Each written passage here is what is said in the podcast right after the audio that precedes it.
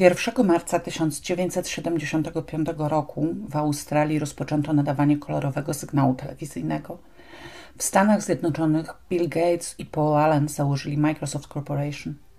Wyprawa z klubu wysokogórskiego Wrocław jako pierwsza zdobyła Broad Peak Middle, jednocześnie czyniąc go pierwszym ośmiotysięcznikiem zdobytym przez Polaków. Upadł Saigon, stolica Wietnamu Południowego, co wraz z bezwarunkową kapitulacją wojsk południowo-wietnamskich oznaczało koniec wojny.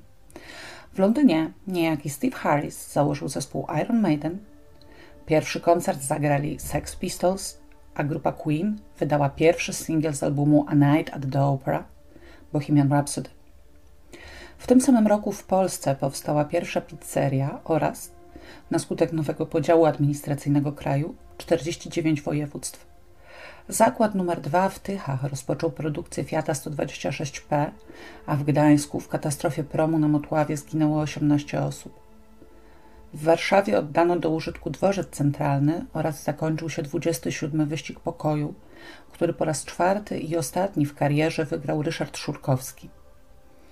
Utworzono morską jednostkę działań specjalnych Formoza oraz nastąpiło połączenie miast Koźla, Kędzierzyna, Kłodnicy, Sławęcic i wsi Lenartowice, miejsca Kłodnickiego i Cisowej w miasto Kędzierzyn-Koźle.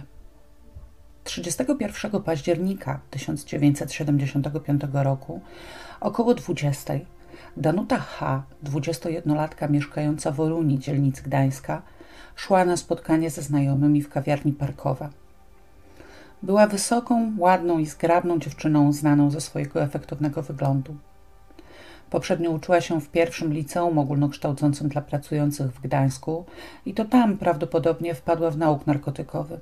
Jej narzeczony również był narkomanem. Danuta kilkukrotnie była karana za włamania i kradzieży ośrodków odurzających. Do 31 października dziewięciokrotnie przebywała na zamkniętym leczeniu odwykowym.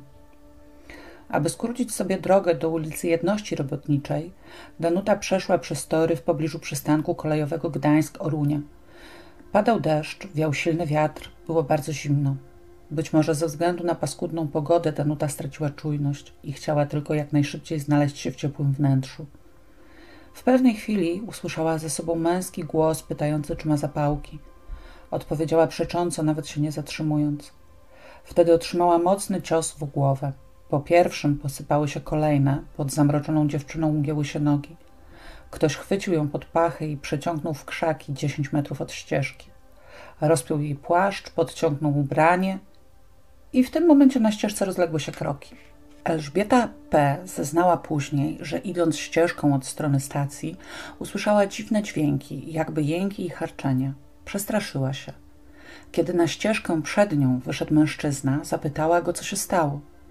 Odpowiedział spokojnie, że w krzakach leży zakrwawiona kobieta i on biegnie na pobliski komisariat, skąd zawiadomi także pogotowie. Dopiero kiedy przez dłuższy czas nie wracał, Elżbieta sama wezwała pogotowie. Karetka przewiozła Danutę do kliniki chirurgii ogólnej, gdzie od razu została poddana operacji. Jak się okazało, pierwszej z wielu. Ponad 10 lat leczyła się ambulatoryjnie. Doznała ciężkich uszkodzeń czaszki, które pozostawiły trwałe następstwa, m.in. uszkodzenie prawej półkuli mózgu, znaczne ubytki w kościach pokrywy czaszki, skurcz twarzy spowodowany uszkodzeniem nerwów. Na dłuższy czas straciła mowę. Mimo to, choć wydaje się to wręcz niewiarygodne, po jakimś czasie przypomniała sobie przebieg napadu i opisała wygląd oraz ubiór sprawcy. Niestety był to rysopis zbyt ogólny, aby można było go wykorzystać. Elżbieta P. wyglądu mężczyzny, którego spotkała na ścieżce, nie zapamiętała. 5 stycznia 1976 roku Mirosława D., pielęgniarka na oddziale chirurgicznym szpitala MSWiA w Gdańsku, po zakończeniu dyżuru poszła na najbliższy postój taksówek przy ulicy Świerczewskiego. Mirosława miała 26 lat. Była osobą spokojną, zrównoważoną i serio podchodzącą do życia. Była zaręczona. Tego samego dnia rano odprowadziła narzeczonego na pociąg, gdyż wyjeżdżał służbowo. Ponieważ się spieszyła, a kolejka oczekujących na taksówkę była długa, pobiegła na przystanek autobusowy. Padał śnieg, co chwila przechodzący w zadymkę. Mirosława wysiadła w pobliżu przystanku kolejowego Gdańsk-Orunia i ruszyła ścieżką przez tory przy ulicy Junackiej. Z powodu złej pogody nie zwróciła zupełnie uwagi na to, czy jest na ulicy sama. Kiedy otwierała już furtkę swojego domu przy ulicy Smoleńskiej 14, otrzymała serię uderzeń tempokrawędzistym narzędziem w głowę. Upadając, otworzyła swoim ciężarem furtkę. Sprawca więc chwycił ją za ręce, wciągnął na podwórko i ułożył wzdłuż murku stanowiącego jednocześnie poręcz schodów. Rozpiął i zsunął jej spodnie i zaczął się masturbować, wkładając palce drugiej dłoni do pochwy. Nie zdążył się zaspokoić, gdyż w oknie na parterze budynku zobaczył czyjąś sylwetkę. Przestraszył się i uciekł, zabierając porzuconą przy furtce torebkę Mirosławy. Później wyrzucił ją, zabierając tylko znalezione w środku dwadzieścia złotych. Mirosława odzyskała świadomość na tyle, że udało jej się dojść do mieszkania sąsiadów.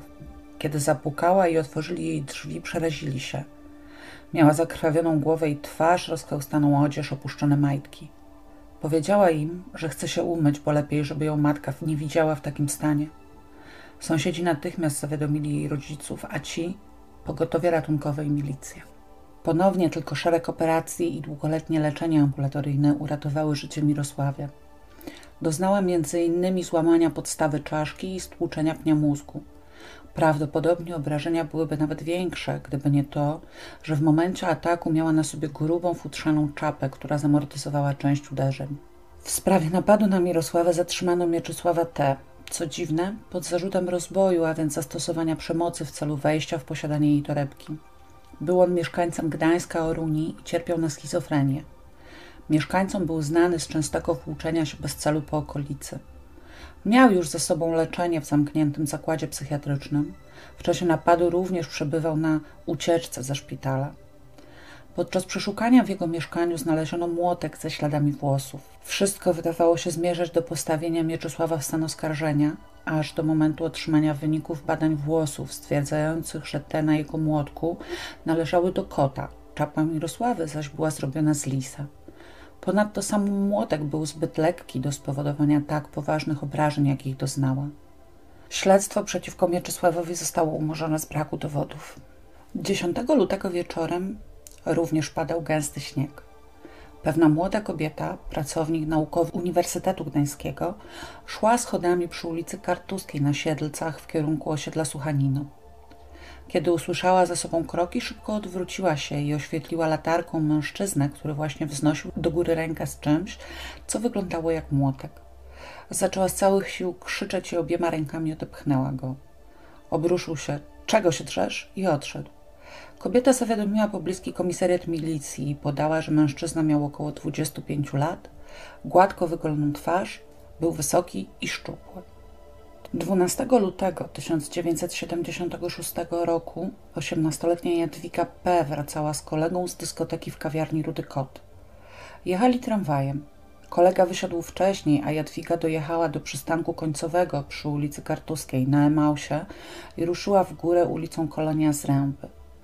Tuż przed schodami na okrągłym placu, wykorzystywanym zwykle jako amatorskie boisko do piłki nożnej, padła ofiarą ataku i otrzymała serię ciosów w głowę. Upadła na śnieg. Sprawca odciągnął ją pod skarpę w pobliżu znajdującej się tam szopy, potem wrócił po torbę, która wypadła jej z ręki. W tym czasie zamroczona Jadwiga próbowała się podnieść, ale zabrakło jej sił. Próbowała więc uciekać na czworaka, ale powracający napastnik powalił ją kolejnym ciosem w głowę. Zdążył rozpiąć jej spodnie, kiedy usłyszał głosy ludzi schodzących schodami. Schował pod kurtką torbę Jadwigi i wrócił na przystanek tramwajowy, skąd odjechał w stronę śródmieścia. Nad kanałem Raduni przejrzał swoją zdobycz, ale ponieważ nie znalazł nic, co mogłoby mu się przydać, całą zawartość wrzucił do wody. Kilka minut po 22 grupka przechodniów schodzących w stronę kartuskiej zauważyła na śniegu ślady krwi i idąc za nimi odnalazła Jadwigę. Udało się ją uratować, choć miała wieloodłamowe złamania kości pokrywy czaszki z wgnieceniami i uszkodzeniami opony twardej mózgu. Otrzymała w sumie 11 bardzo silnych uderzeń narzędziem tępym lub tempokrawędzistym. Kilkucentymetrowe odłamki kości jej czaszki podczas oglęcin zabezpieczono wśród skrzepów krwi na śniegu. O dokonanie napadu na Jadwigę był podejrzany Jerzy P., ale postępowanie przeciw niemu umorzono z braku dowodów.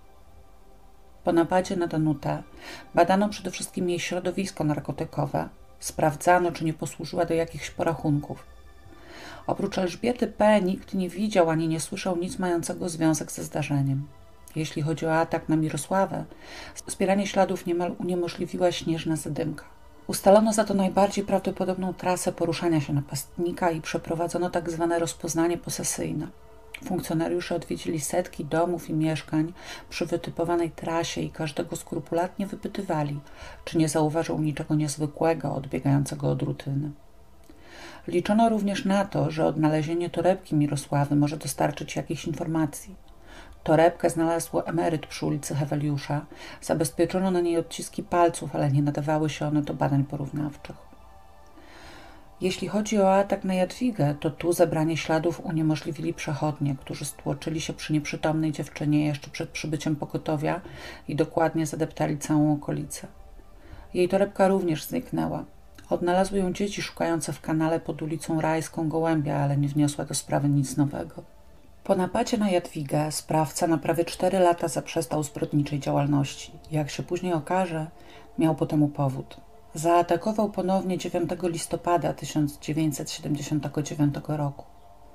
Tego dnia Irena H., pielęgniarka w szpitalu Akademii Medycznej, wesoła i niezwykle towarzyska, niebrzydka dziewczyna, umówiła się ze swoją kuzynką Małgorzatą M. na kawę do Wirginii na podwalu staromiejskim w Gdańsku. Były tam około 17, potem pojechały do Leźna, gdzie wstąpiły do jedynego lokalu, restauracji stylowa. Ze stylowej poszły jeszcze na 10 minut do wspólnej koleżanki. Wizyta była tak krótka, że Irena nawet nie zdjęła płaszcza. Około 19.45 ruszyły pieszo do rodzinnego Niestępowa. Przy domu Małgorzaty pożegnały się i Irena poszła sama gruntową drogą obok lasu do domu rodziców.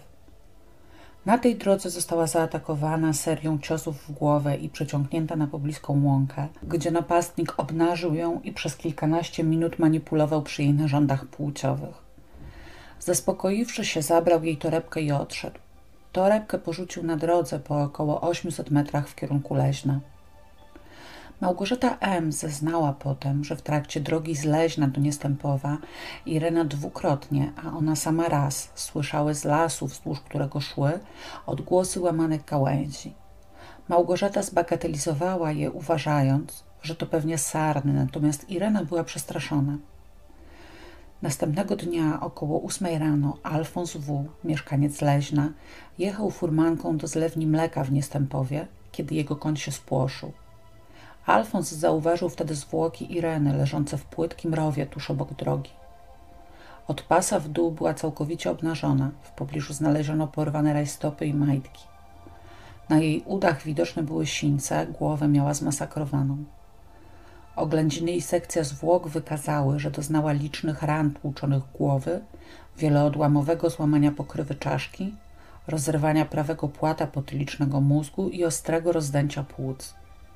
Bezpośrednią przyczyną zgonu było jednakże uduszenie spowodowane zatkaniem nosa i ust. Sprawca pozostawił nieprzytomną ofiarę leżącą twarzą do ziemi. Na lewym ramieniu Ireny zabezpieczono dwa ludzkie włosy, nie pochodzące z jej głowy. Włosy te były krótkie i nie posiadały cebulek, najwyraźniej zostały wyrwane.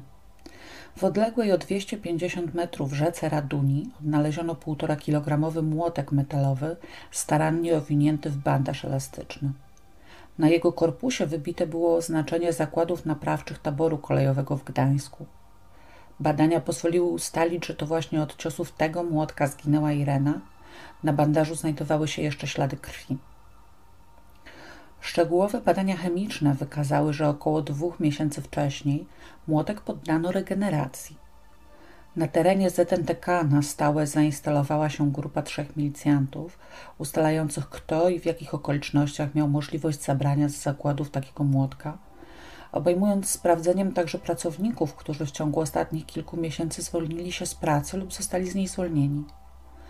Idąc z kolei tropem bandaża, sprawdzono wszystkie przypadki, w których zakładowe ambulatorium udzieliło pomocy chirurgicznej. Wszystkie typowane osoby dokładnie sprawdzono, szczególnie dużo uwagi poświęcając tym zamieszkałym na terenie gminy Żukowo. Bez rezultatu. Idąc tropem kontaktów Ireny w miejscu zamieszkania, milicja zainteresowała się Gerardem Esz, nałogowym alkoholikiem. Pracował w transporcie jednego z trójmiejskich przedsiębiorstw i często bywał służbowo na terenie zakładów naprawczych taboru kolejowego. Na ubraniu Ireny zabezpieczono niewielkie odpryski metalicznej farby, a farbę tego samego typu znaleziono w obejściu Gerarda. W noc zabójstwa pił. Do domu wrócił dopiero po dwóch dniach i dokładnie ubrał zabrudzone smołą i smarami ubranie. Nie miał alibi, ale decydujące okazało się to, że nigdy nie wykazywał zainteresowania kobietami, ani nie starał się przebywać w ich towarzystwie. Po dokładnym sprawdzeniu wykluczono jego udział w zabójstwie.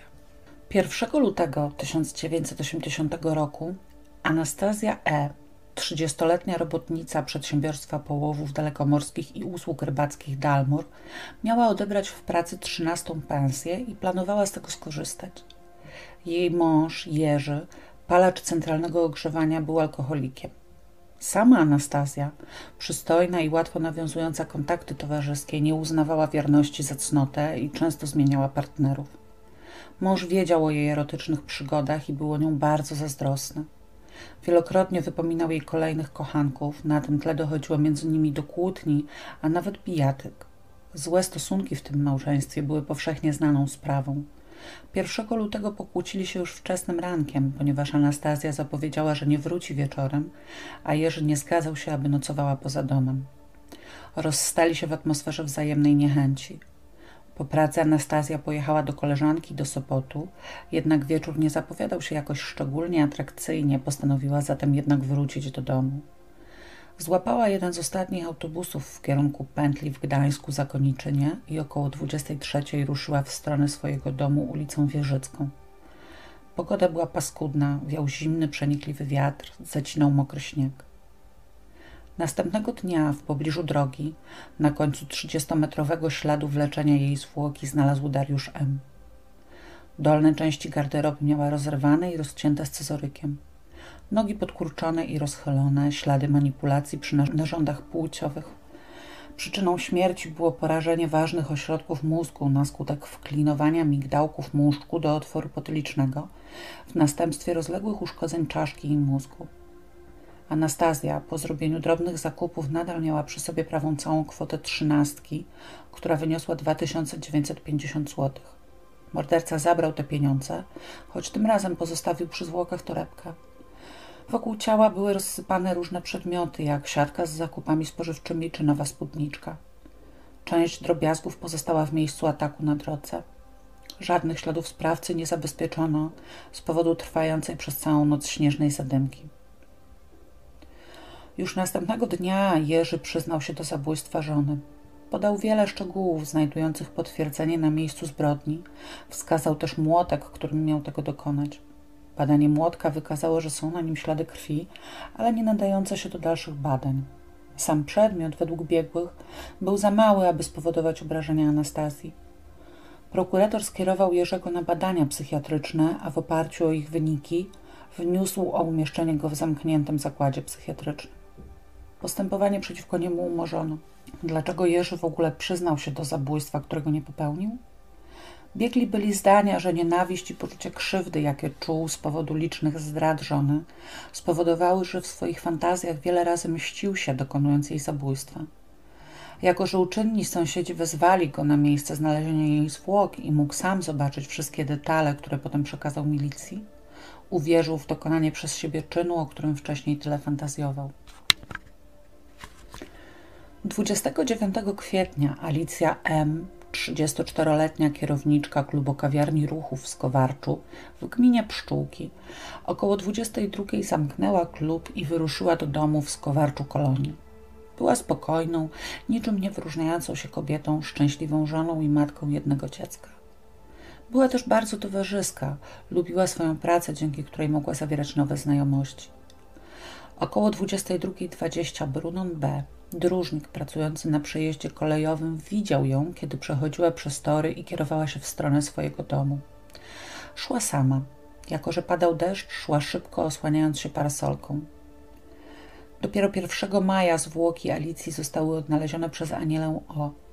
Bezpośrednią przyczyną jej śmierci były rozległe uszkodzenia tkanki mózgowej i złamania czaszki, powstałe wskutek czterech, pięciu ciosów narzędziem tempokrawędzistym, zadanych z dużą siłą.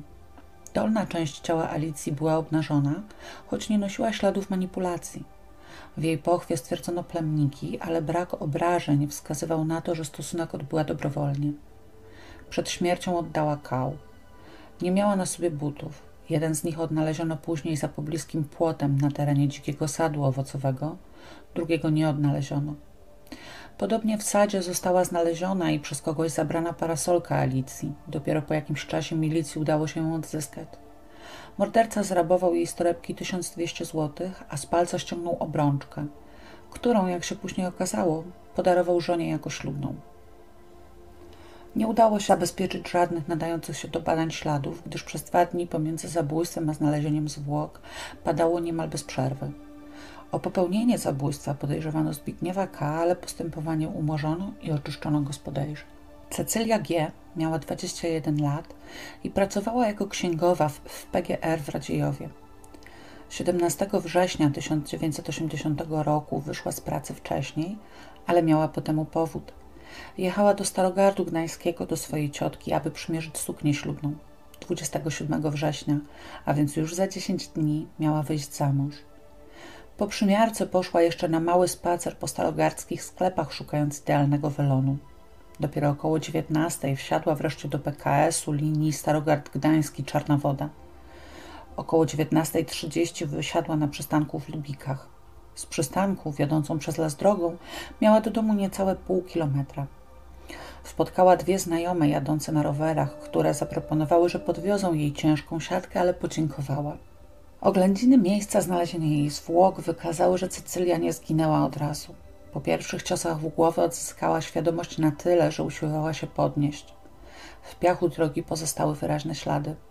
Została dobita kolejnymi ciosami. Sprawca ściągnął z niej spodnie i majtki i manipulował przy jej narządach płciowych.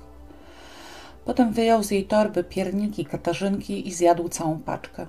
Narzędzie zbrodni wytarło trawę i oddalił się przez nikogo nie niepokojony. Torebkę Cecylii wyrzucił po drodze, zabrawszy z niej 10 tysięcy złotych. Całe podjęte tego dnia oszczędności na ślub. Bezpośrednią przyczyną śmierci Cecylii było zachłyśnięcie się krwią spływającą przez nosogardziel do dróg oddechowych, o czym świadczyło ostre rozdęcie płuc. Na jej lewej ręce znaleziono ludzki włos, który nie mógł pochodzić z jej głowy. Wszystkie zakupy spożywcze, jakie tego dnia wiozła do domu, znaleziono rozrzucone. Brakowało tylko katarzynek i wędliny. Użyto psa tropiącego, ale doprowadził on do domu osoby, która znalazła zwłoki. Jedną z wersji, które sprawdzano w związku z kradzieżą artykułów spożywczych, był uciekinier ze szpitala psychiatrycznego w pobliskim Kocborowie, z którego ucieczki pacjentów zdarzały się często. Co prawda do milicji dotarły sygnały o jakichś ludziach błąkających się po okolicznych lasach, ale szpital nie zgłosił zniknięcia żadnego z pacjentów. Milicja badała również relacje Cecylii w miejscu pracy – Okazało się, że młoda, urocza księgowa nie uznawała kompromisów i starała się twardą ręką pilnować porządku w zakładzie. Pozostawała w konflikcie z jednym z magazynierów, konsekwentnie rozliczała traktorzystów, zdarzały się ostre spięcia i konflikty. Mimo to Cecylia była lubiana i szanowana, a rozpracowanie współpracowników nie wyłoniło żadnego podejrzanego. Przez jakiś czas podejrzewano jednego z mieszkańców Lubik, który był wyraźnie zauroczony Cecylią. Para w przeszłości kilkukrotnie poszła na tańce w remisie, ale dziewczyna nie miała ochoty na kontynuowanie znajomości. Chłopak zaś nie mógł się pogodzić z odrzuceniem i nawet próbował ją skłonić do zawarcia małżeństwa. Nie miał alibi, ale brak było też dowodów łączących go z zabójstwem. Drugim podejrzanym był pewien włóczęga utrzymujący się z torywczych prac w okolicznych miejscowościach. Co prawda widywano go w tamtym czasie błąkającego się bez celu po okolicznych lasach, nie sposób było go pomylić z kimś innym, gdyż miał gęste, rude włosy, ale na czas zabójstwa miał niepodważalne alibi. Opierając się na wyjątkowej obfitości grzybów tej jesieni, sprawdzono też zbieraczy z tej części borów tucholskich. Było to tyle pracochłonne, że na grzyby przyjeżdżały nawet zorganizowane wycieczki z miast tak odległych jak Elbląg czy Malbork, na próżno. 18 listopada 1980 roku okazało się, że morderca działa nie tylko na terenie ówczesnego województwa gdańskiego. Tego dnia 22-letnia Grażyna S. wracała z domu dziecka w Malborku, gdzie pracowała jako sprzątaczka, do domu rodziców w Kamionce. Była pogodną dziewczyną, lubianą zarówno w pracy, jak i w szkole, gdzie uzupełniała wykształcenie. Do rodziców wpadała stosunkowo często, ale zwykle nie zapowiadała swoich wizyt. Tak też było tego dnia. Wysiadła na przystanku autobusowym w Kajewie i w dalszą drogę ruszyła pieszo. Jej zwłoki znalazł 19 listopada 14-letni Mirosław, który o swoim odkryciu powiedział dwóm kolegom. Żaden z nich jednak nie przekazał tej informacji dalej. Dopiero 21 listopada Jerzy Eś ponownie odnalazł ciało i zawiadomił milicję. Przyjęto, że Grażyna zmarła na skutek mechanicznych urazów głowy, choć zmiany w płucach pozwalały przypuszczać, że bezpośrednią przyczyną zgonu mogło być również zachłyśnięcie się krwią. Otrzymała siedem silnych ciosów, czymś na kształt pręta. Z tego powodu doznała złamania podstawy czaszki oraz stłuczenia tkanki mózgowej. 11 grudnia sprawca powrócił w okolice ulicy Kartuskiej, tym razem na osiedle pana Tadeusza. Pierwsza z upatrzonych kobiet, Urszula S., słysząc jego kroki, odwróciła się i po prostu uciekła. Ponieważ napastnik zobaczył schodzącego schodami mężczyznę, nie gonił jej, tylko przyczaił się na terenie najbliższej posesji. Czekał tam cierpliwie, dopóki od strony ulicy Telimeny do zajścia nie nadeszła Wanda K., 31-letnia pracownica sklepu spożywczego przy Kartuskiej. Codziennie chodziła do pracy tą samą trasą. Kiedy upadła pod czasami, sprawca przeciągnął ją na pobliską łąkę w zagłębienie terenu i tam odbył swój seksualny rytuał. W jego trakcie zauważył na palcu kobiety obrączkę. Ściągnął ją i zabrał. Zabrał także torebkę, z której przywłaszczył sobie tysiąc złotych, a resztę wyrzucił do studni na posesji, na której się przedtem ukrywał.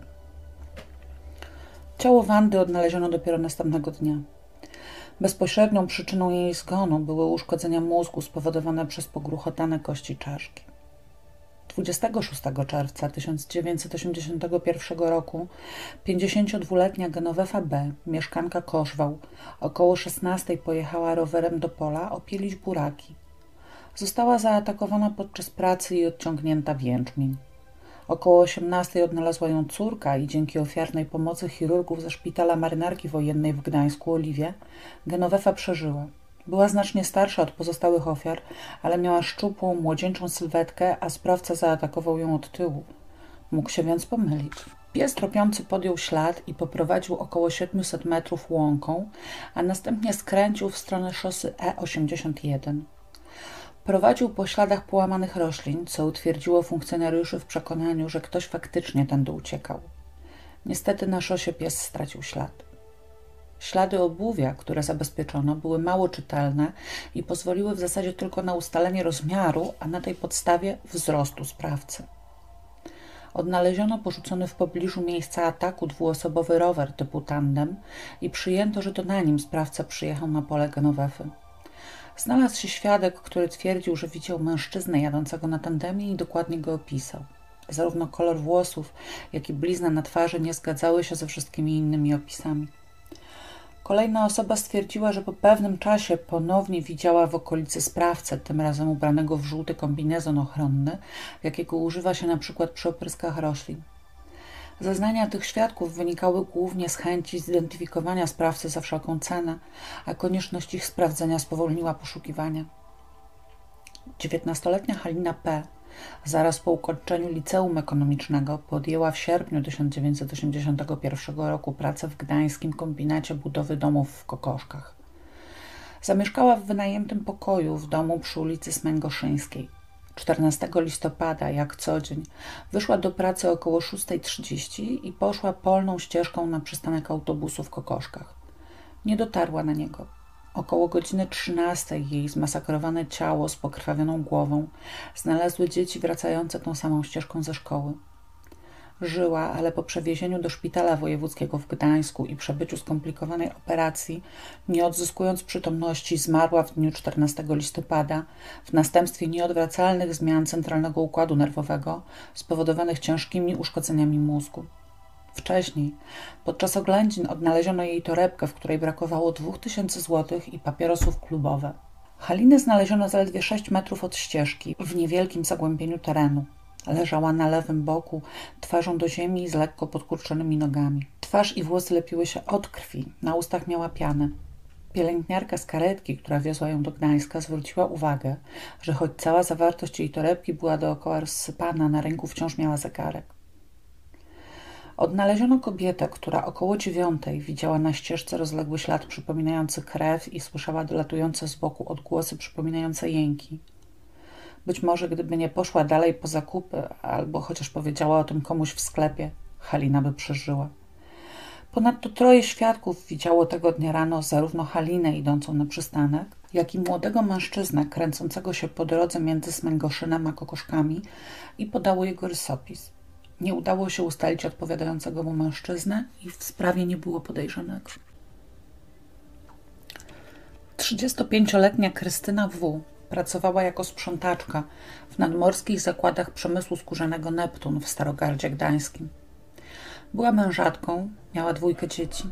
26 listopada 1981 roku wyszła z domu i poszła na przystanek autobusowy w Piesienicy o godzinie 4.50. Do pokonania miała około dwóch kilometrów szosą, którą rano podążała większość mieszkańców jej wsi dojeżdżających do pracy. Ciemne chmury wisiały bardzo nisko, zanosiło się na śnieżycę. Krystyna szła spokojnie, lewą stroną drogi, kiedy została silnie uderzona przez samochód dostawczy Żuk, który na nią najechał. Ktoś wysiadł z tego samochodu, opuścił budę skrzyni ładunkowej i ruszył w jej stronę, kiedy Krystyna niespodziewanie usiadła. Jak jeździsz, powiedziała słabo i wtedy otrzymała pojedynczy cios w głowę. Straciła przytomność. Na jej szczęście ktoś pojawił się na drodze i sprawca porzucił jej wleczone w stronę żuka bezwładne ciało, zabrał torebkę i uciekł. Z torebki ukradł kanapkę, jaką Krystyna uszykowała sobie do pracy, resztę zaś wyrzucił z mostu do rzeki Wieżycy. Józef M., również idący do pracy na poranną zmianę, odnalazł Krystynę około 5.15, ale dopiero o 7.30 została przyjęta do szpitala w Starogardzie Gdańskim i poddana operacji. Co prawda doznała rany tłuczonej głowy ze stłuczeniem pnia mózgu, ale ponieważ otrzymała tylko jeden cios o głowę, niemal całkowicie doszła do siebie. Pozostała jej tylko całkowita prawostronna głuchota. Na miejscu wypadku zabezpieczono niewielkie odpryski lakieru i małe włókienko odzieży. Krystyna nie pamiętała, że została uderzona młotkiem, a ponieważ nie wystąpiły oznaki seksualnego motywu sprawcy, początkowo sprawę potraktowano jako ucieczkę z miejsca wypadku i pod tym kątem poszukiwano kierowcy Żuka. 2 grudnia 1981 roku Bogumiła P., 27-letnia pracownica szpitala klinicznego nr 3 w Gdańsku, wracała z pracy. Dojechała autobusem do Demlina, skąd około 19.50 pieszo wyruszyła w dalszą drogę do domu w Nowym Gołębiewku. Miała do przejścia około dwóch kilometrów. Była na drodze sama. Szła prawą stroną, a kiedy usłyszała, że jedzie za nią samochód, zeszła z jezdni. Samochód skręcił na pobocze i uderzył w nią prawą przednią stroną maski. Szkło z rozbitej szyby rozsypało się na drodze, Bogumiła upadła. Kierowca wysiadł, otworzył burtę skrzyni ładunkowej i wrzucił na nią torebkę Bogumiły. Oszołomiona kobieta usiadła, a kiedy kierowca zaczął iść w jej stronę, podniosła się z ziemi i pobiegła w kierunku wsi. Kierowca wskoczył z powrotem do samochodu i zaczął ją gonić, ale gdy już miał na nią ponownie najechać, zobaczył w świetle latarni ludzi stojących przy zlewni mleka i skręcił na drogę do Skarszew. Zatrzymał się dopiero na moście w Czarnocinie, gdzie zabrał cztery tysiące złotych, a torebkę wrzucił do rzeki. Do Bogumiły dopiero następnego dnia rano wezwano lekarza, ponieważ skarżyła się na bardzo silny ból barku. Okazało się, że miała złamany lewy obojczyk. Po napadzie na Bogumiłę sprawca nie dawał znaku życia przez niemal rok. Trudno się dziwić. Wprowadzenie stanu wojennego znacznie utrudniło przebywanie po zmroku w odosobnionych miejscach. Dopiero 14 października 1982 roku, około 20.30, Wiesława P., 32-letnia pracownica zakładów naprawczych taboru kolejowego w Gdańsku, została zaatakowana na ścieżce od ulicy Paderewskiego do ulicy Kartuskiej, kiedy wracała z wizyty u brata. Niosła ze sobą butelkę szampana, którą brat, marynarz, przywiózł specjalnie na 18 urodziny syna jej koleżanki z pracy. Nagle zobaczyła idącego z naprzeciwka mężczyznę, przestraszyła się i zaczęła go obserwować. Minął ją z lewej strony, natychmiast odwrócił się i zaczął ją bić w głowę jakimś metalowym prętem. Wiesława zaczęła krzyczeć. Napastnik bił ją i dusił, ale ona walczyła, uderzając rękami i kopiąc go. Oboje upadli, ale to Wiesława poczuła pod ręką metalowy pręt. Chwyciła go i uderzyła napastnika w głowę. Niestety wyrwał jej pręt i zaczął zadawać kolejne ciosy w głowę i ręce, którymi ją osłaniała. Wiesława udała utratę przytomności. Napastnik ściągnął jej z palca złoty pierścionek z oczkiem z rubinu i pobiegł w stronę osiedla Suchanino. Oszołomiona i przemoczona szampanem z rozbitej butelki, Wiesława z trudem podniosła się z ziemi i przede wszystkim założyła buty, które spadły jej podczas walki. Dopiero wtedy zobaczyła idących ścieżką mężczyznę i kobietę z dzieckiem, którzy spłoszyli napastnika. Wiesława opowiedziała o napadzie, ale kiedy mężczyzna zaproponował, że ją odprowadzi, odmówiła, bo bała się, że nieznajomi mogą być w rozmowie z napastnikiem. Sama dotarła do domu przy ulicy Szarej i dopiero stamtąd wezwała pogotowie. Doznała szeregu ran tłuczonych głowy i złamania palców lewej ręki. Przez ponad miesiąc przebywała na zwolnieniu lekarskim. Jednak podczas walki udało jej się całkiem wyraźnie zobaczyć napastnika i szczegółowo opisała milicjantom jego wygląd. Felicja B. miała 45 lat i pracowała w fabryce mebli okrętowych w Starogardzie Gdańskim. 4 listopada 1982 roku, wracając z pracy około 19, wysiadła wraz z koleżanką na przystanku w Sucuminie. Koleżanka mieszkała w pobliżu przystanku. Felicja odprowadziła ją do furtki i dalej poszła sama. Po przejściu kilkudziesięciu metrów weszła przez furtkę na teren swojej posesji. Wtedy na jej głowę spadły ciosy młotka. Przysiadła, osłaniając rękami głowę. Napastnik chwycił ją za ręce i zaczął ciągnąć w stronę ogródka na tyłach. Kiedy jednak wyczuł na jej palcu obrączkę, ściągnął ją i schował do kieszeni. Słysząc, że ktoś idzie drogą, przestraszył się i uciekł w stronę przystanku. Zamieszanie na podwórku usłyszeli mąż i córka Felicji, którzy wyszli zobaczyć, co się dzieje. W tym czasie Felicja odzyskała świadomość i wstała, po czym mąż wniósł ją do domu i wezwał pogotowie.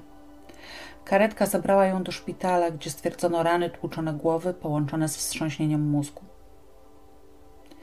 Bożena S. pracowała jako pomocnik tapicera w zakładach meblowych w Skarszewach przy montażu kanap. 8 grudnia 1982 roku Wyjątkowo z siebie zadowolona wykonała całą dniówkę o 20.30 i półtorej godziny przed zakończeniem zmiany mogła już iść do domu. Bożena miała ośmioro rodzeństwa, a jako że jej ojciec zmarł, w miarę możliwości starała się pomagać matce we wszystkim. Zarówno domowe, jak i służbowe obowiązki traktowała niezwykle serio. Trudno ją było spotkać na dyskotece czy w kawiarni. Na ulicy Tczewskiej została powalona licznymi ciosami w głowę, a kiedy upadła, napastnik przeciągnął ją na drugą stronę ulicy pod kamienny murek i wrócił po jej torebkę. W tym czasie Bożena usiłowała się podnieść, więc sprawca zadał jej kolejne ciosy, wciągnął ją na murek i zepchnął na teren posesji Miejsko-Gminnego Komitetu PZPR w Skarszewach. Rozebrał ją, rozrywając dolne części garderoby. Bożena ponownie usiadła i jęknęła mamo, Dopiero po kolejnych uderzeniach młotka straciła przytomność. Sprawca wykonał swój rytuał, zabrał młotek, ten sam, którym zaatakował Felicję, portmonetkę i 200 złotych.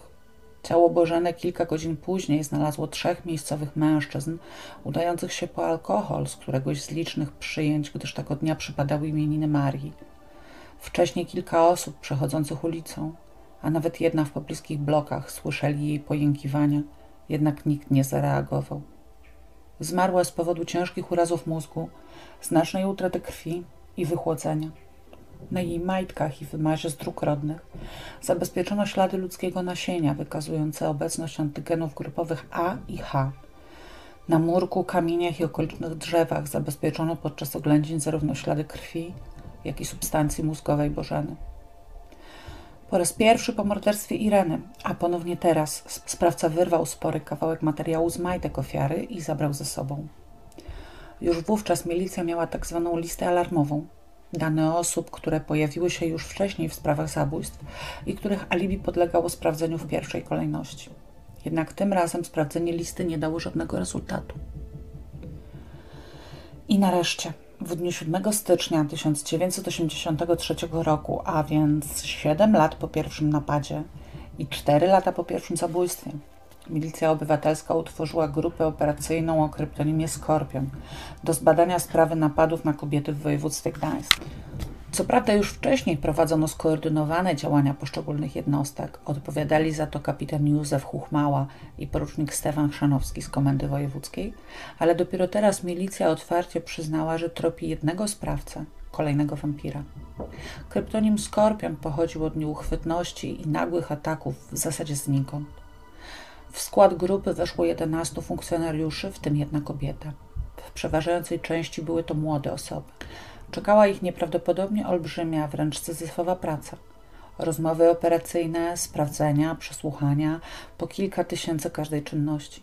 Do tego ogromna ilość wersji śledczych do sprawdzenia. No i oczywiście, jak zawsze wtedy, kiedy milicja ogłasza poszukiwania o szerokim zasięgu, donosy życzliwych i samooskarżenia. Wszystkie trzeba było sprawdzić, żadnego nie wolno było zlekceważyć. Milicjanci typowali miejsca potencjalnych ataków, organizowano zasadzki i prowokacje.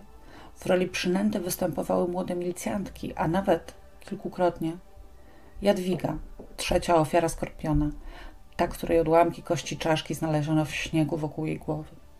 Po porównaniu ze sobą zeznań wszystkich ocalałych kobiet, można było przyjąć, że sprawca ma około 25 do 35 lat, jest szczupły, sprawny fizycznie, ma pociągłą twarz i około 175-180 cm wzrostu. W związku z młotkiem znalezionym w Raduni po zabójstwie Ireny w przychodniach sprawdzano, kto w ostatnim czasie otrzymywał bandaże elastyczne. Ściągnięto akta sprawy wampira Zagłębia i pilnie je studiowano. Badano również inne głośne przypadki zabójstw na tle seksualnym, w tym Petera Kurtena, wampira z Düsseldorfu i Kuby Rozpruwacza. W zakładach pracy organizowano spotkania zakładowe, na których milicjanci w możliwie oględny sposób informowali o istniejącym zagrożeniu i radzili, jak się zachowywać. Daremnie.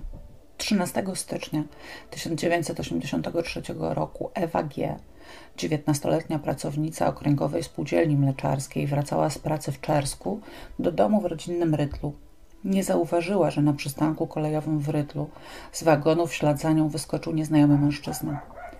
Niczego nie podejrzewając, skręciła w leśną drogę prowadzącą do gospodarstwa jej rodziców. Było mroźno, padał śnieg, wiał silny wiatr. Kiedy ktoś z nienacka złapał ją za krocze, odruchowo chciała uciec. Po ciosach w głowę silnie zamroczona usiadła na ziemi. Napastnik złapał ją za ręce, podniósł i zaczął prowadzić leśną ścieżką. Wciąż zamroczona zapytała, dokąd idziemy. Potem znów próbowała uciec, ale po kolejnych ciosach młotka bezwładnie upadła na ziemię. Napastnik przeciągnął ją głębiej w las, rozerwał na niej rajstopy, majtki, dokonał swojego seksualnego rytuału i po kilkunastu minutach odszedł, zabierając 3800 zł, portmonetkę i latarkę elektryczną. Kiedy odchodził, znów usiadła, podpierając się ręką. Następnego dnia Ewę odnalazł przechodzący w pobliżu Edmund B. Wciąż zamroczona kucała, opierając się o drzewo. Spędziła w szpitalu ponad miesiąc. Miała otwarte złamania kości potylicznej i ciemieniowych, rany tłuczone potylicy, twarzy i prawego barku oraz odmrożenia pośladków i poduci.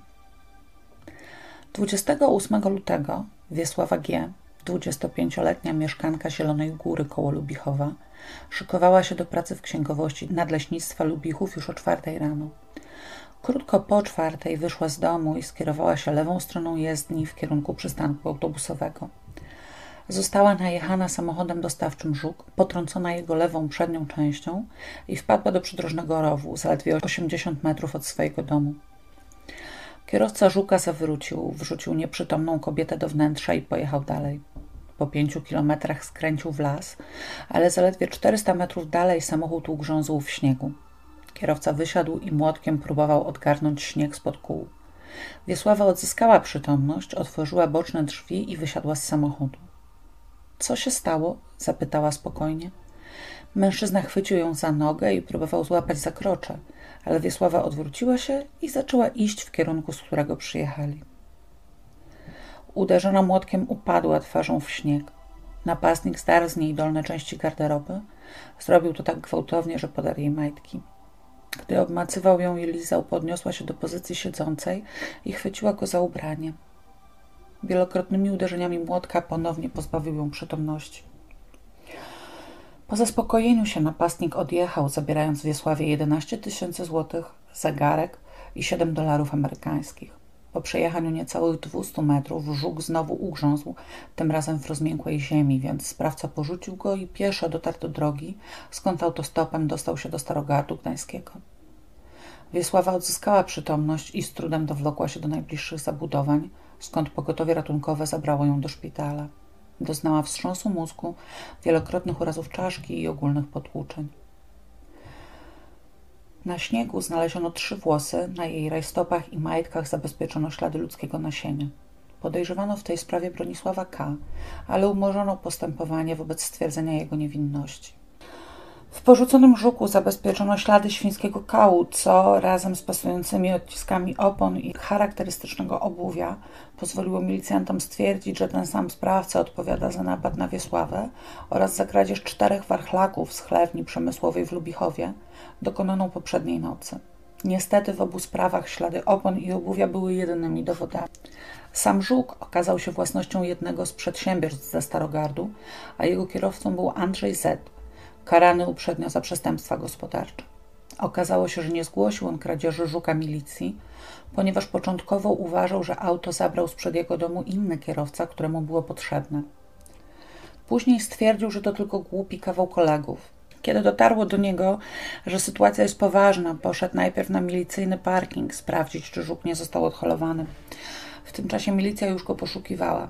Na jego niekorzyść przemawiał fakt, że miał podkoszulek zaplamiony krwią, której pochodzenia nie umiał wytłumaczyć, zaś jego ścieżka chodu, indywidualne cechy poruszania się, np. długość kroku, kąt stawiania stopy, była niemal identyczna ze śladami stóp zabezpieczonymi na miejscu zdarzenia. Dodatkowo obciążająco wydawał się fakt, że badanie mechanoskopijne żuka ustaliło, że ani drzwi nie były otwierane, ani stacyjka uruchomiona metodą inną niż użycie oryginalnych kluczy. Dopiero biegły Polskiego Związku Motorowego stwierdził, że żuka można otworzyć i uruchomić także kluczykami innych marek. W samym pojeździe nie znaleziono żadnych odcisków palców, cała deska rozdzielcza była dokładnie wytarta. Znaleziono za to dwa szaliki, z których jeden był własnością Andrzeja.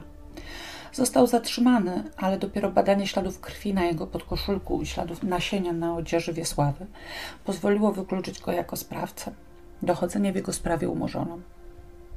9 marca 29-letnia Ewa B.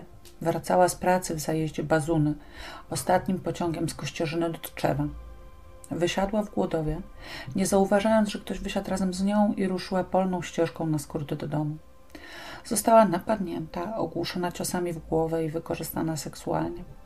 Sprawca ściągnął z jej palca obrączkę i zrabował 6 tysięcy złotych. Zjadł znalezione w jej siatce bułki i popił śmietaną. Dopiero około pierwszej w nocy Ewa odzyskała przytomność i dowlokła się do zabudowań sąsiadów, których obudziła stukaniem w okno. Gospodarz wraz z synem odprowadzili ją do jej domu, skąd rodzina wezwała pogotowie, które zabrało ją do szpitala. Miała złamanie kości potylicznej, liczne rany tłuczone głowy i pęknięcie naczyniówki obu oczu. Zabezpieczone na miejscu napadu ślady obuwia odpowiadały tym zabezpieczonym podczas napadu na Wiesławę G i kradzieży warchlaków w Lubichowie. Stosunkowo szybko po napadzie na Ewę w kręgu zainteresowania milicji pojawił się mieszkaniec Starogardu Gdańskiego Robert K. Odbył on już karę za czyn lubieżny wobec dwuletniej dziewczynki. Miał również orzeczoną karę więzienia za gwałt, której nie zaczął jeszcze odbywać, gdyż jego żona bardzo ciężko chorowała. Oczywiście nie poinformował sądu, że jego małżeństwo praktycznie już nie istnieje. Porzucił naprawdę chorującą żonę i wyprowadził się do matki w Starogardzie. W osobie Roberta K. zwracała uwagę przede wszystkim jego niezwykła dbałość o niepozostawienie po sobie żadnych śladów. Pewnego razu spacerował z kobietą, która rzuciła na ziemię zmiętą paczkę po papierosach. Robert podniósł ją i spalił, dokładając starań, aby nic nie zostało. Zdziwionej towarzyszce wyjaśnił, że nie powinno się nigdy pozostawiać po sobie śladów, nie należy tego robić. Zawsze miał przy sobie torebkę z mydłem, ręcznikiem, bielizną na zmianę. Zużyte chusteczki jednorazowe również palił. Od czasu do czasu bawił się w bardzo oryginalny sposób. Wychodząc z domu zmieniał swój wygląd, łącznie z założeniem peruki i wychodził na miasto. Nie wiadomo, co wtedy robił. Żona mogła jedynie powiedzieć, że na jakiś czas przed ich rozstaniem Robert zaniedbał się zupełnie, przestał dbać o wygląd zewnętrzny i bardzo późno wracał do domu. Nie wiedziała, co się stało. Podczas przeszukania w jego miejscu zamieszkania zabezpieczono m.in. zakrwawioną koszulę, poplamione krwią kalesony, nóż szewski i okulary. Okna mieszkania jego matki wychodziły na komendę miejską w Starogardzie Gdańskim, co pozwalało mu obserwować ruchy milicjantów podejmujących kolejne czynności. Niestety, pomimo takiego nagromadzenia poszlak, nie udało się powiązać Roberta z żadną ze spraw wchodzących w zakres rozpracowania grupy specjalnej Skorpion. 6 maja 1983 roku Jolanta K. wracała z pracy w odzieżowej spółdzielni pracy w Tczewie. Była dziewczyną pełną energii i radości życia. Określano ją jako duszę towarzystwa. Jechała autobusem, wysiadła w Narkowach i poszła w stronę torów. Na przyjeździe kolejowym zaczepił ją nieznajomy mężczyzna, który właśnie się masturbował. Niestety Jolanta zamiast podnieść krzyk i zaalarmować mieszkańców pobliskich zabudowań zaczęła w milczeniu uciekać. Po przebiegnięciu około pół kilometra napastnik dogonił ją i powalił uderzeniami młotka. Potem przeciągnął jej ciało na łąkę i wrócił po torbę. Jolanta dwukrotnie odzyskiwała przytomność i próbowała dalej uciekać. Za każdym razem była ponownie dobijana młotkiem. Następnego dnia rano jej zwłoki znalazł właściciel łąki. Jej śmierć spowodowały rany tłuczone głowy, powodujące zarówno masywne urazy mózgu, jak i rozległy krwotok zewnętrzny. Sprawca wykorzystał ją seksualnie i zrabował 1500 zł, dwa srebrne pierścionki i elektroniczny zegarek. Na przedniej części jej swetra zabezpieczono siedem włosów. Bardzo smutne jest to, że Jola wiedziała o napadach i bardzo się ich bała, więc zwykle ktoś z rodziny wychodził po nią wieczorem na przystanek. Tego dnia jednak jej brat był chory i leżał w łóżku z wysoką gorączką, a zmęczony ojciec zwyczajnie zasnął przed telewizorem. W związku z faktem, że po pierwszych trzech napadach w Gdańsku sprawca zaczął działać również poza obrębem miasta, milicja założyła, że wykonuje on zawód pozwalający na swobodne przemieszczanie się, np. kolejarza bądź kierowcy. W ramach tej wersji śledczej sprawdzono ponad 5 tysięcy posiadaczy prawa jazdy z rejonu Starogardu Gdańskiego, wśród których około 1300 było uprzednio karanych. Gdzieś między 500 a 600 miejscem listy karanych kierowców znalazł się Paweł Tuchlin. W ramach rozpracowania operacyjnego ustalono, że urodził się 28 kwietnia 1946 roku w miejscowości Góra jako syn Bernarda, rolnika z poważnym problemem alkoholowym i Moniki z domu Wejer. Był ósmym z 11 rodzeństwa. Z powodu wyjątkowo twardych metod wychowawczych stosowanych przez oboje rodziców na przykład bicia splecionymi rzemieniami. Był dzieckiem bardzo nerwowym i do wieku kilkunastu lat moczył się w łóżko. A jako, że rodzina nie przywiązywała zbytnio wagi do utrzymania w tajemnicy wstydliwych sekretów, opinia Dujcoka ciągnęła się za nim przez całą szkołę, utrudniając nawiązywanie prawidłowych więzi z rówieśnikami i znajomości z dziewczętami. Służbę wojskową zakończył już po kilku miesiącach z uwagi na uszkodzenie słuchu.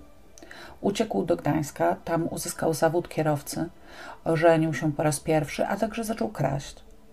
Póki kradzieże były drobne, kary za nie wymierzono mu niewielkie, ale 20 grudnia 1976 roku rozpoczął odbywanie kary dwóch i pół roku pozbawienia wolności. Żona wniosła o rozwód, napady na kobiety ustały. Opuścił zakład karny 28 czerwca 1979 roku a 9 listopada na drodze do Niestępowa została zamordowana Irena. 7 października 1980 roku ożenił się po raz drugi z pracownicą MPK Gdańsk Reginą. 17 września została zamordowana Cecylia. Z każdego małżeństwa miał jednego syna. Pomiędzy rokiem 1972 a 1982 pracował w wielu przedsiębiorstwach na terenie miasta, w tym w zakładach naprawczych taboru kolejowego. Nadal dokonywał drobnych kradzieży i krótkotrwałych zaborów pojazdów. W 1982 otworzył własny warsztat usług elektryczno-instalacyjnych w rodzinnej górze w gospodarstwie odziedziczonym po rodzicach. Mieszkańcy góry zapomnieli najwyraźniej o jego problemach z dzieciństwa i uważali za sąsiada grzecznego, uczynnego i wyjątkowo dbałego o żonę i syna. Poza tym bardzo pobożnego, przecież co tydzień przystępował do spowiedzi. Przez pewien czas prowadzono obserwację Tuchlina. W tym czasie, pod koniec marca 1983 roku, przejeżdżał on przez wieś Pałubin obok gospodarstwa Kazimierza B. zauważył w jego obejściu parnik elektryczny. 2 kwietnia około drugiej w nocy podjechał swoim prywatnym samochodem marki Warszawa, zabrał parnik i zawiózł do domu. Kazimierz B., szukając parnika, zauważył ślady opon i zawiadomił posterunek milicji obywatelskiej w Starej Kiszewie. Milicjanci natrafili na takie same ślady w pobliżu góry i ustalili, że samochód należy do Tuchlina i również w jego gospodarstwie znajduje się parnik. 31 maja 1983 roku na teren obejścia Tuchlina weszli znani mu milicjanci z posterunków w Starej Kiszewie w towarzystwie oficera z grupy operacyjnej Skorpion. Powiedzieli mu, że przychodzą w sprawie kradzieży. Wylegitymowali go i weszli do domu, gdzie dokonali aresztowania. Tuchlin długo i bardzo serdecznie pożegnał się z synkiem. Podczas przeszukania gospodarstwa odnaleziono niektóre przedmioty zrabowane ofiarom oraz młotek ze śladami krwi. Już podczas pierwszego przesłuchania, prowadzonego jeszcze na posterunku w Starej Kiszewie przez kapitana Stanisława Ćwieka i porucznika Andrzeja Gawrysia, a dotyczącego tylko kradzieży parnika, Tuchlin nagle poprosił o szklankę wody, wypił ją, otarł usta i spokojnie powiedział: To ja zabiłem Jolantę. Jeszcze tego samego dnia zeznał na temat napadu na Ewę B. i zabójstwa Bożeny S. oraz kradzieży czterech świń z Lubichowa. W ciągu dalszych przesłuchań sukcesywnie przyznawał się do kolejnych zbrodni. Zaprzeczał tylko napadowi na Wiesławę P., pracownicę ZMTK, której zrabował pierścionek z rubinowym oczkiem i która podała jego dokładny rysopis. Wygląd Tuchlina pokrywał się z tym rysopisem. Wiesława z całą stanowczością rozpoznała go jako napastnika, ale nie zeznawała podczas procesu, ponieważ wyjechała na stałe do Niemiec. Dr Jerzy Wnorowski, kierownik Katedry Kryminalistyki Uniwersytetu Gdańskiego, sporządził opinię dotyczącą modus operandi. Po raz pierwszy taką opinię dopuszczono jako dowód przed sądem. Wynikało z niej, że wszystkie przestępstwa były połączone z czynami nierządnymi i na podstawie analizy ich przebiegu można je przypisać jednemu sprawcy. Sprawca wykorzystywał do działania nadarzające się okazje, ale był na ich nastąpienie przygotowany, posiadając młotek lub inne narzędzia. Ilość czasu poświęcona na kolejne czyny zależała od możliwości osiągnięcia celu i bezpieczeństwa. Na przykład uciekał słysząc, że ktoś nadchodzi lub nadjeżdża. Miejsce działania łączyły się z miejscem jego zamieszkania, pracy lub innych zajęć. Ofiary były przypadkowe, napotkane w dogodnych do ataku okolicznościach. W sposobie realizacji czynu uderzała gwałtowność ataku, wykorzystanie momentu zaskoczenia i strachu ofiar. Sprawca zawsze atakował w ten sam sposób i nigdy nie podejmował żadnych działań w celu ukrycia zwłok czy zatarcia śladów. Pierwsze trzy napady charakteryzowały się gwałtownością, pośpiechem, nerwowością, małą precyzją ciosów. Kolejne sześć napadów, już po odbyciu przez Tuchlina kary więzienia, świadczyło o opanowaniu i dojrzałości sprawcy. W kolejnych jedenastu jego rutyna przeszła w nonszalancję. Poczuł się rozzuchwalony dotychczasową bezkarnością i zaczął atakować również w dzień, a nawet w niekorzystnych dla siebie okolicznościach. W miejscu usiłowania zabójstwa Wiesławy, zabójstwa Ewy oraz kradzieży prosiaków ujawniono ślady tego samego obuwia i zabezpieczono je za pomocą odlewów gipsowych. Okazało się, że te konkretne podeszwy stosowano w saperkach wojskowych, półsaperkach marynarskich oraz trzewikach robotniczych z fabryki przemysłu skórzanego imienia Buczka w Lublinie. Wśród jednostek, które w województwie gdańskim zamawiały takie buty, były m.in. zakłady naprawcze taboru kolejowego. Tym razem kadry, poproszone o przedstawienie wykazu pracowników, którzy pobrali obuwie, dostarczyły listę zawierającą nazwisko Pawła Tuchlina. Buty, które Tuchlin pobrał z ZNTK i nosił nadal po ustaniu zatrudnienia, znaleziono na budowie domu Jana K., na której pracował. Jan K. wydał buty, oświadczając, że ma pewność, że należą do Tuchlina, ponieważ wielokrotnie go w nich widywał. Niestety milicja popełniła błąd i nie okazała butów Tuchlinowi. Jak łatwo zgadnąć, podczas procesu oświadczył kategorycznie, że nie są to jego buty. Wobec tego sąd wydał postanowienie o sporządzeniu opinii porównawczej, mającej na celu ustalenie, czy to Paweł Tuchlin nosił trzewiki robocze z zakładów naprawczych taboru kolejowego. Wiedziano bowiem, że w obuwiu użytkowanym dłuższy czas przez jedną osobę odwzorowują się anatomiczne cechy budowy jej stóp ze wszystkimi szczegółami. Tuchlina poddano niezwykle dokładnym pomiarom stóp, badając m.in. wielkość poszczególnych elementów stopy, rozmieszczenie wgłębień palcowych, śródstopia oraz pięty, układ przestrzeni międzypalcowych, rysunek linii łączącej wierzchołki opuszków palców.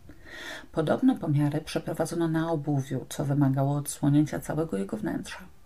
Przeprowadzone pomiary pozwoliły na wydanie kategorycznej opinii. Paweł Tuchlin był jedynym użytkownikiem dowodowego obuwia. Inna osoba go nie nosiła. Dowodowe obuwie zaś pozostawiło zabezpieczone ślady porównawcze. Jeśli natomiast chodzi o młotek, którym zabił Irenę, to nigdy nie ustalono, dlaczego nie znalazł się na przygotowanej przez kadry liście. Być może przeoczono go, bo w ZNTK przepracował w sumie tylko dwa tygodnie, a być może zwyczajnie młotek ukradł. Zaś co do oryginalnego owinięcia główki ba bandażem elastycznym, Tuchlin zeznał, że zrobił to dlatego, że wychodząc na swoje wędrówki wkładał młotek za pasek i nie lubił, kiedy metalowa główka ziębiła mu ciało. Włosy zabezpieczone na ramieniu Ireny, ręku Cycylii, miejscu napadu na Wiesławę i swetrze Jolanty wykazały pełną zgodność wszystkich cech morfologicznych z włosami pobranymi z głowy Pawła Tuchlina. Na majtkach i wymazie z dróg rodnych Bożeny oraz rajstopach i majtkach Wiesławy były ślady nasienia ludzkiego z antygenami A i H. Tuchlin należał do osób wydzielających substancje grupowe oraz antygeny A i H. Nasienie mogło zatem pochodzić od niego. Na zabezpieczonych w jego domu rękawiczkach odkryto ślady krwi grupy B. Taką grupę miała Wiesława G. W czasie przeszukania jego domu znaleziono również obrączkę, którą jako swoją własność rozpoznała Ewa B. Obrączkę Felicji sprawca podarował żonie, twierdząc, że kupił ją okazyjnie. Po jakimś czasie obie obrączki, tą zrabowaną Felicji i tą zrabowaną Alicji w Skowarczu, oddał jubilerowi do przetopienia i zrobienia dwóch nowych, które następnie on i jego żona nosili. Zegarek Wiesławy G. również podarował żonie, tym razem z okazji Dnia Kop. Tuchlin wciąż posiadał cztery świniaki, które właściciel chlewni w Lubichowie rozpoznał jako swoje. Nie wiem niestety jak. Być może świnie były w jakiś sposób snakowane. Pozwolę sobie przypomnieć, że ślady kół żuka zabezpieczone na terenie chlewni odpowiadały śladom zabezpieczonym na miejscu napadu na Wiesławę G. Tuchlin wyjaśnił, że wszystko zaczęło się po rozpadzie jego pierwszego małżeństwa, w którym nie brakowało mu różnorodności seksualnej. W drugim związku tego nie było. Wydawało mu się, że zachowuje się normalnie, ale coś go goniło. Nieraz przez kilka godzin chodził po okolicy, wracał zmarznięty i przemoczony. Zaczął zażywać leki nasenne. Podczas swoich wędrówek rozmyślał o kobietach. Zaczął się obnażać, gdyż wtedy, jak powiedział, była większa uciecha, a największa, kiedy uciekały. W pewnym momencie zorientowałem się, że to za mało, za słabo i stąd wyszło to atakowanie. Ale nie było moim zamiarem pozbawienie ich życia. Z opinii sądowo-psychiatrycznej wynikało, że poziom sprawności intelektualnej Tuchlina jest w normie. Charakteryzował się obniżeniem uczuciowości wyższej, egocentryzmem, lekceważeniem norm współżycia społecznego. W strukturze jego osobowości dominowała silnie tłumiona, wręcz infantylna potrzeba uczucia i miłości, połączona z potrzebą kontaktu fizycznego. Jego zaburzenia seksualne były uwarunkowane nieprawidłowymi doświadczeniami seksualnymi – Nieumiejętność nawiązywania dojrzałych, aprobowanych społecznie kontaktów seksualnych powstała na skutek zaniedbań wychowawczych. Wieloletnie fantazje erotyczne towarzyszące masturbacji doprowadziły do ukształtowania się u niego wyjątkowego, dewiacyjnego upodobania do kontaktów oralno-genitalnych, nie zdradzał natomiast cech sadyzmu. Według biegłych agresja Tuchlina w stosunku do ofiar nie wynikała z lubieżności i pozbawiona była motywów seksualnych. Chodziło wyłącznie o doprowadzenie ofiary do stanu bezbronności, co umożliwiało podjęcie wybranych praktyk seksualnych. Ogólna konkluzja po przeprowadzeniu badań biegłych różnych specjalności brzmiała: Paweł Tuchlin nie był niedorozwinięty umysłowo ani chory psychicznie. W czasie dokonywania zarzucanych czynów miał niezakłócone funkcje psychiczne, nie miał zniesionej ani ograniczonej w stopniu znacznym zdolności rozumienia znaczenia popełnionych czynów i kierowania swoim postępowaniem, był poczytalny. Miał natomiast nieprawidłową osobowość i dewiacyjną skłonność do oralno-genitalnych kontaktów seksualnych, połączonych z masturbacją, co powodowało ograniczoną w stopniu nieznacznym zdolność do, do pokierowania swoim postępowaniem. Tuchlin przyznał się do 19 z 20 zarzucanych mu przestępstw. Wyjaśnił, że we wszystkich przypadkach kierowała nim wyłącznie chęć seksualnego zaspokojenia się, a nie zamiar pozbawienia życia ofiary czy obrabowania jej. Zadając uderzenia w głowę, miał na celu wyłącznie obezwładnienie ofiary. Nie zastanawiał się, czy jest to groźne dla jej życia. W czasie jednego z przesłuchań przyznał, że nigdy nie przypuszczał, że zabił tyle kobiet. Wydawało mu się, że większość zostawiał żywych. Pieniądze, dokumenty i inne przedmioty zabierał nie w celu rabunkowym, ale aby oglądać je i wąchać i przypominać sobie związane z nimi zdarzenia. Podobnie fragmenty majtek Ireny i Bożeny. Używał ich potem jako chusteczek do nosa. Tym wyjaśnieniom przeczyły fakty. Każde zachowanie napadniętych kobiet świadczące o tym, że jeszcze żyją, wywoływało u niego reakcję w postaci dalszych uderzeń. Potrafił również przerwać zaspokajanie się, aby ściągnąć ofierze z palca obrączkę, którą potem oddawał do przetopienia albo darowywał żonie. Przebywając na obserwacji psychiatrycznej w Szczecinie, Tuchlin poprosił o rozważenie operacyjnej możliwości zmiany lub zlikwidowania płci. Czuł już bowiem gwałtowny popęd seksualny i obawiał się, że po wyjściu na wolność będzie nadal atakował. Odkrył w sobie także zdolności plastyczne i wygrał konkurs lepienia rzeźb z chleba. Rozzuchwaliło go to i z tego niewinnego tworzywa wykonał sobie trzy makiety pochwy, z których jedną podarował opiekującej się nim psychiatrze, w której, jak twierdził, zakochał się i chciał jej w ten sposób pokazać, co znaczą słowa prawdziwy mężczyzna. Lekarka po otrzymaniu tego prezentu przeszła załamanie nerwowe. Proces Skorpiona rozpoczął się 7 maja 1985 roku przed Sądem Wojewódzkim w Gdańsku. Tuchlin nie przyznał się do winy i odwołał złożone w śledztwie zeznania. Oświadczył sądowi, że oficerowie prowadzący śledztwo złożyli mu propozycję nie do odrzucenia. W jego oczach był to szantaż, ale też szansa, którą mógł wykorzystać. Mianowicie milicjanci zmęczeni już sprawą Skorpiona, nie mając podejrzanego i wciąż odczuwając presję ze strony przełożonych i opinii publicznej, zaproponowali, że skoro mają go już w ręku i mogą mu udowodnić kradzieże parnika i świń, podadzą mu wszystkie szczegóły napadów, a on zezna je do protokołu i pokaże na wizjach. W zamian za to milicjanci pomogą mu otrzymać opinię o niepoczytalności, co pozwoli mu uniknąć odpowiedzialności także za te drobne czyny, które faktycznie popełnił. Próbowali go też przekupić, obiecując ciągnik i inne maszyny, a kiedy zażądał gwarancji na piśmie, zagrozili, że tak mu schowają żonę i syna, że do końca życia ich nie znajdzie. Tą wersję Tuchlin podtrzymywał nawet, kiedy odwoływał się od wyroku skazującego do Sądu Najwyższego. Gdańscy sędziowie nie dali jej wiary z powodu kilku czynników. Tuchlin wielokrotnie spotykał się ze swoim obrońcą i nigdy mu o takiej propozycji nie wspomniał. Podczas wizji lokalnych był aktywny i opisywał wiele szczegółów. Ślady obuwia i włosy zabezpieczone na miejscach kilku przestępstw odpowiadały jego butom i jego włosom. W ostatnim słowie Paweł Tuchlin powiedział Prokurator zarzucił mi brak skruchy i wyrzutów sumienia, ale to nie tak. Nikt nie wie, co ja naprawdę wewnętrznie przeżywam, słuchając zeznań świadków, poszkodowanych i ich rodzin.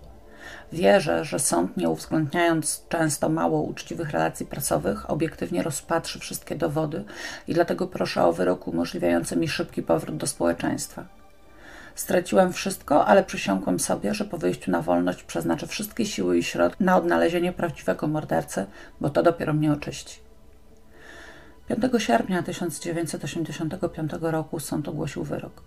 Uniewinnił Pawła Tuchlina od zarzutu usiłowania pozbawienia życia Wiesławy P.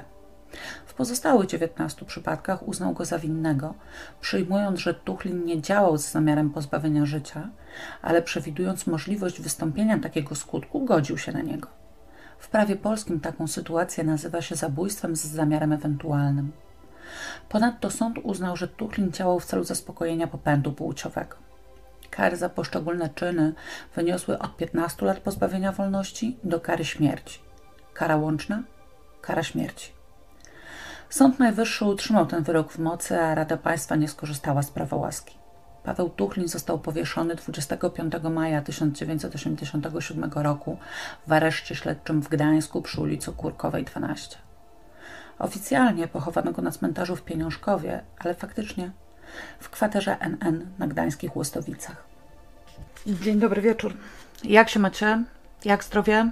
U mnie wszystko dobrze, ale pracuję z domu, bo koleżanka z zespołu trafiła na kwarantannę, więc szefowa przewidująco odesłała nas wszystkich. Postaram się czas zaoszczędzony na dojazdach przeznaczyć na nowe odcinki, obiecuję. Tak jak zapowiedziałam, dziś uciekamy ze Śląska. Mam nadzieję, że przypadną Wam do gustu nowe nadmorskie okolice, ale nie przyzwyczajajcie się za bardzo, jesteśmy tu tylko chwilowo. Cieszę się, że akurat teraz wypadł mi ten długi materiał. Mam nadzieję, że jeśli ktoś musiał zostać w domu, to przynajmniej trochę go zajmę moją historią. Do usłyszenia niedługo.